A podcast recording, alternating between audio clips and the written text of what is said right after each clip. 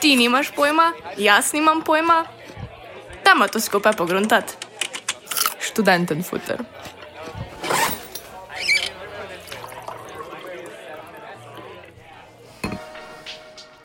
Dobrodošli v študenten futru.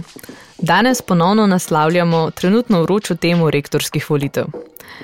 13. aprila so na članicah Univerze v Ljubljani potekale volitve rektorja za mandatno obdobje 2021 do 2025.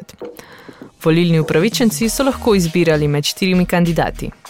Največ glasov sta prijela dosedani rektor Igor Papič in kandidat veterinarske fakultete Gregor Majdič, ter se tako uvrstila v drugi krok volitev. O volitvah rektorja in njegovih nalogah smo že spregovorili v 13. oddaji, povezavo pa najdete v opisu. Poslušate aktualne novice iz študentskega sveta na radiju Basement. Prvega kroga rektorskih volitev v Ljubljani se je udeležilo 18,4 odstotka volilnih upravičencev, kar je sicer trikrat toliko kot na zadnjih volitvah. Volivci so razdeljeni na tri skupine: študentje, strokovno-administrativni in tehnični delavci ter predavateljski kader. Volilna udeležba slednjih je bila s 63,3 odstotka največja, v to skupino pa spadajo visokošolske učiteljice in učitelji, znanstveni delavke in delavci, visokošolske in raziskovalne sodelavke in sodelavci. Ti imajo tudi največjo težo pri glasovanju in sicer v razmerju 60 proti 20 proti 20. To pomeni, da je glas predavateljev ureden šestkrat več kot glasovi drugih skupin, glas študentov pa predstavlja 20 odstotkov. Volilna udeležba strokovno-administrativno-tehničnih delavcev je bila 50 odstotna. Študenti lahko na rektorskih volitvah volijo drugič. Prvič so volili leta 2017, ko je bil edini kandidat Igor Papič. Volilnih upravičencev je v študentski skupini približno 40 tisoč, kar je skoraj desetkrat več kot v drugih dveh. Število visokošolskih in administrativnih delavcev namreč skupaj znaša le okoli 6 tisoč. Volilna udeležba študentov se je od zadnjih volitev z 1,6 odstotka zvišala na dobrih 12. In če pogledamo rezultate. Upoštevajoč teži je Igor Papič prejel 35,5 odstotka glasov, Gregor Majdič 29,7, Anton Ramšak 26 in Igor Lukšič 8,8 odstotka. Kakšne pa bi bile številke brez razmerja v teži? Gregor Majdič je prejel daleč največ študentskih glasov. Svoj glas mu je namenilo 38 odstotkov glasujočega študentstva, Papiču pa slabih 24. Slednji ima sicer občutno več podpore v drugih dveh skupinah. Če bi torej šteli zgolj glasove, bi zmagal Majdič s 33,7 odstotka, Papič pa bi mu sledil s 30. In kaj so posamezni kandidati zagovarjali? Natančne programe si lahko preberete na spletnih straneh kandidatov, pred prvim krogom volitev pa so njihove povzetke pripravili tudi v listi demokratičnega študentstva. Povzetke so pripravili z namenom, da angažirajo širšo študentsko javnost in približajo volitve in dvignejo volilno udeležbo. Glavne točke programov je objavil tudi študentski svet Univerze v Ljubljani. 21. aprila je potekal drugi krok volitev, na katerem je zmagal Gregor Majdič. Kaj pa lahko pričakujemo od novega rektorja Univerze v Ljubljani glede na njegov program? Profesor dr. Gregor Majdič svojo kandidaturo napoveduje številne spremembe na univerzi. Zagovarja sodobno, odprto univerzo, njeno poenotenje in več povezovanja med fakultetami. Povečati želi vpliv in pomen univerze v širšem družbenem smislu, aktivno je nagovarjati relevantne tematike in si izboriti medijski prostor, primerljiv športu ali kulturi. Zauzemal se bo za izboljšanje financiranja univerze, tako na raziskovalnem kot na štipendijskem področju.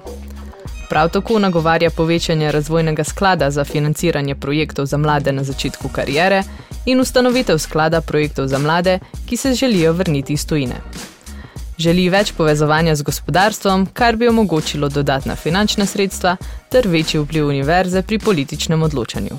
Predlaga širitev prehodnosti med študijskimi programi na prvi stopni študija ter lažji dostop do izbirnih predmetov na drugih fakultetah. Majdič se je v svojem programu edini opredelil do stanovanske problematike študentov. Z mestno občino Ljubljana bi želel skleniti dogovor o namembnosti stanovanj v centru mesta oziroma omejiti turistifikacijo mestnega središča in se zauzemati za pridobivanje študentskih kapacitet. Opredelil se je tudi do neenakosti in spolnega nasilja na univerzi. Uvedel bi sistem prijavljanja spolnega nasilja in drugega neprimernega vedenja. Študentke in študente pa ob začetku študija natančno seznanil z možnostmi, ki jih imajo za prijavo takšnih dejanj. Poskrbel bi za zaščito prijaviteljev in službo zaupnikov na rektoratu. Zauzemal bi se tudi za mlajše sodelavce na univerzi in se boril proti njihovemu izkoriščanju. Želi več ozaveščanja in izobraževanja o tematiki, zmanjšanje plastike na univerzi ter aktivnejše sodelovanje univerze v okoljski politiki in strategijah. Rektorske volitve je komentirala tudi aktivistična skupina Rezistenca, ki se ukvarja s problematiko spolnega nasilja v akademskem okolju.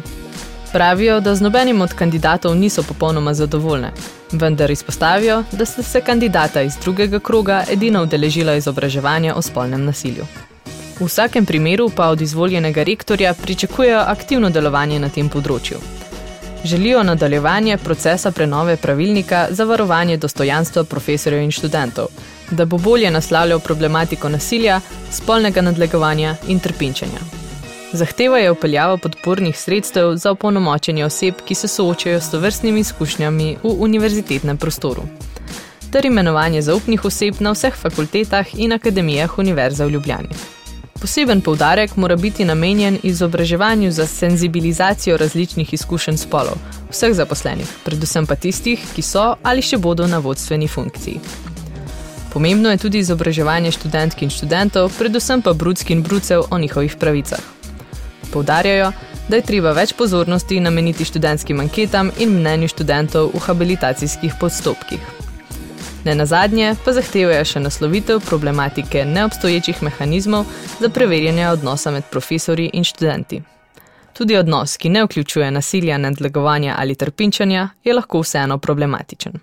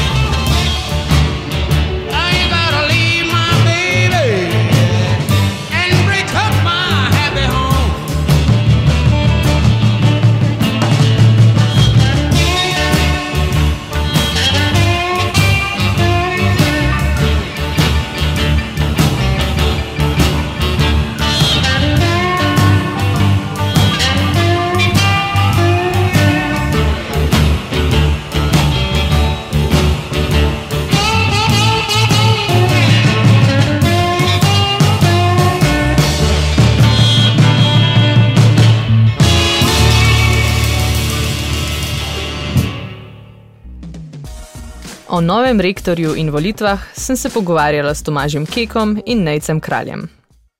Moj komentar samega poteka volitev je bil, da je zaradi samega uh, spletnega načina izvedbe volitev bilo veliko več zanimanja za, za soočenja. Zdi se mi, da je nasplošno več ljudi bral, aktivno bralo programe, se pogovarjalo o stvarih in je zato stvar izpadla nekoliko bolj javno razširjena kot uh, morda kakšne pretekle volitve. Po drugi strani je eden od razlogov za to, verjetno tudi, da je pač šlo za soočenje med kar štirimi kandidati. Kako pa bi komentiral vse štiri kandidate in njihove programe? Pravzaprav bi komentiral, da je večina programov obljubljala kar velik, da pa težko rečem, da so uh, imeli ti programi neke realne plane realizacije torej neke načrte, ki bi dejansko, v katerih bi bilo razvidno, odkje bodo dobili sredstva za to, kako se bodo leteli stvari. Edina izjema bi rekel, da je bil tukaj aktualni rektor dr. Papič, ki je pravzaprav cel čas nastopal precej defenzivno, ker je pač nekako branil status quo in poskušal svoj trenutni mandat prikazati kot uh, zelo uspešen. Pogosto se je tudi pokazalo na samih soočenjih, da nekaterih rešitev, kljub obljubam, kandidati pač nimajo. Na drugi strani se je pokazalo, da aktualni rektor morda ni bil dovolj aktiven pri opozarjanju na težave tako pač same univerze, kot recimo študentske populacije v okviru koronavirusa, ker se je univerza odzvala precej pozno.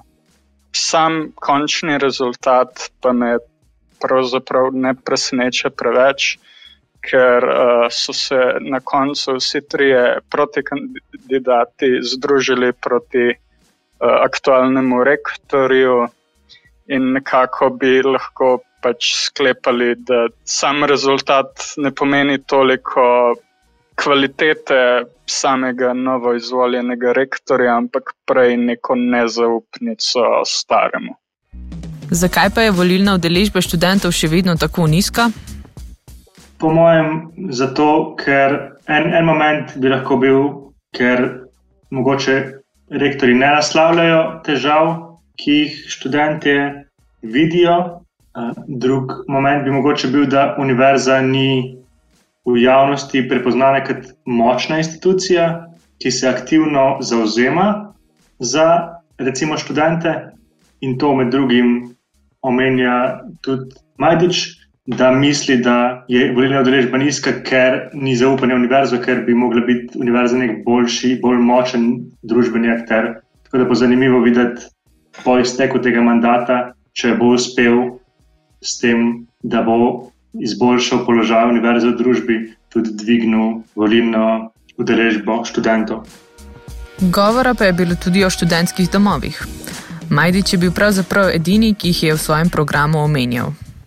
Ja, kar se tiče študentskih domov in naslavljanja te problematike, je mogoče problem v tem, da Univerza v Ljubljani kot edina univerza ni lastnica študentskih domov in je to v bistvu javni zavod. Tako da to se je zgodilo pred, mislim, da crka desetimi leti ali pa še malo več nazaj. Tako da bi mogla v bistvu univerza nazaj vstopiti v neposredno lastništvo študentskih domov, ker bi s tem tudi lažje pomagala in nadzirala pač delovanje. Tako da glede tega imajo, po mojem, rektori precej zvezne roke, seveda pa lahko tudi aktivno pozivajo k temu, da se pač študentska stanovanska problematika rešuje, ampak tega pač ne delajo. Koliko pa rektori dejansko naslavljajo teme, pomembne za študente? Ja, rektori so v svojih predstavitvah poudarjali glede študentov, predvsem to, da so študentje najpomembnejši del univerze in da brez študentov univerze ni. Veliko dlje od nekih teh floskul pa ni šlo. problem univerze, kot ga jaz vidim, je definitivno premehno financiranje delovanja univerze strani države. In to želi zmagovalec rektorja Majdič reševati tako, da bi um, privabljal sklade tveganega kapitala, ki bi nekako financirali neke inovacije, da bi privabljal gospodarstvo, ki bi investiralo, ki bi plačevalo patente, tako da se vse ko konkretno v programu navezuje na gospodarstvo, oziroma želi um, izboljšati sodelovanje z gospodarstvom, meni, da je tega premalo. Tukaj pa jaz vidim en velik problem, ker naloga univerze ni, da proizvaja aplikativno znanje oziroma neke produkte za gospodarstvo, ampak mora biti pač nek konkreten akter v družbi. Kar sicer omenja, ampak mislim, da premalo. Član liste demokratičnega študentstva Nate Skral komentira tudi nerazumevanje študentskih problematik. Če pač komentiram same razumevanje študentskih problematik strani uh, kandidatov za rektorje, lahko pač predvsem rečem, da so tukaj delovali skrajno neizobraženo.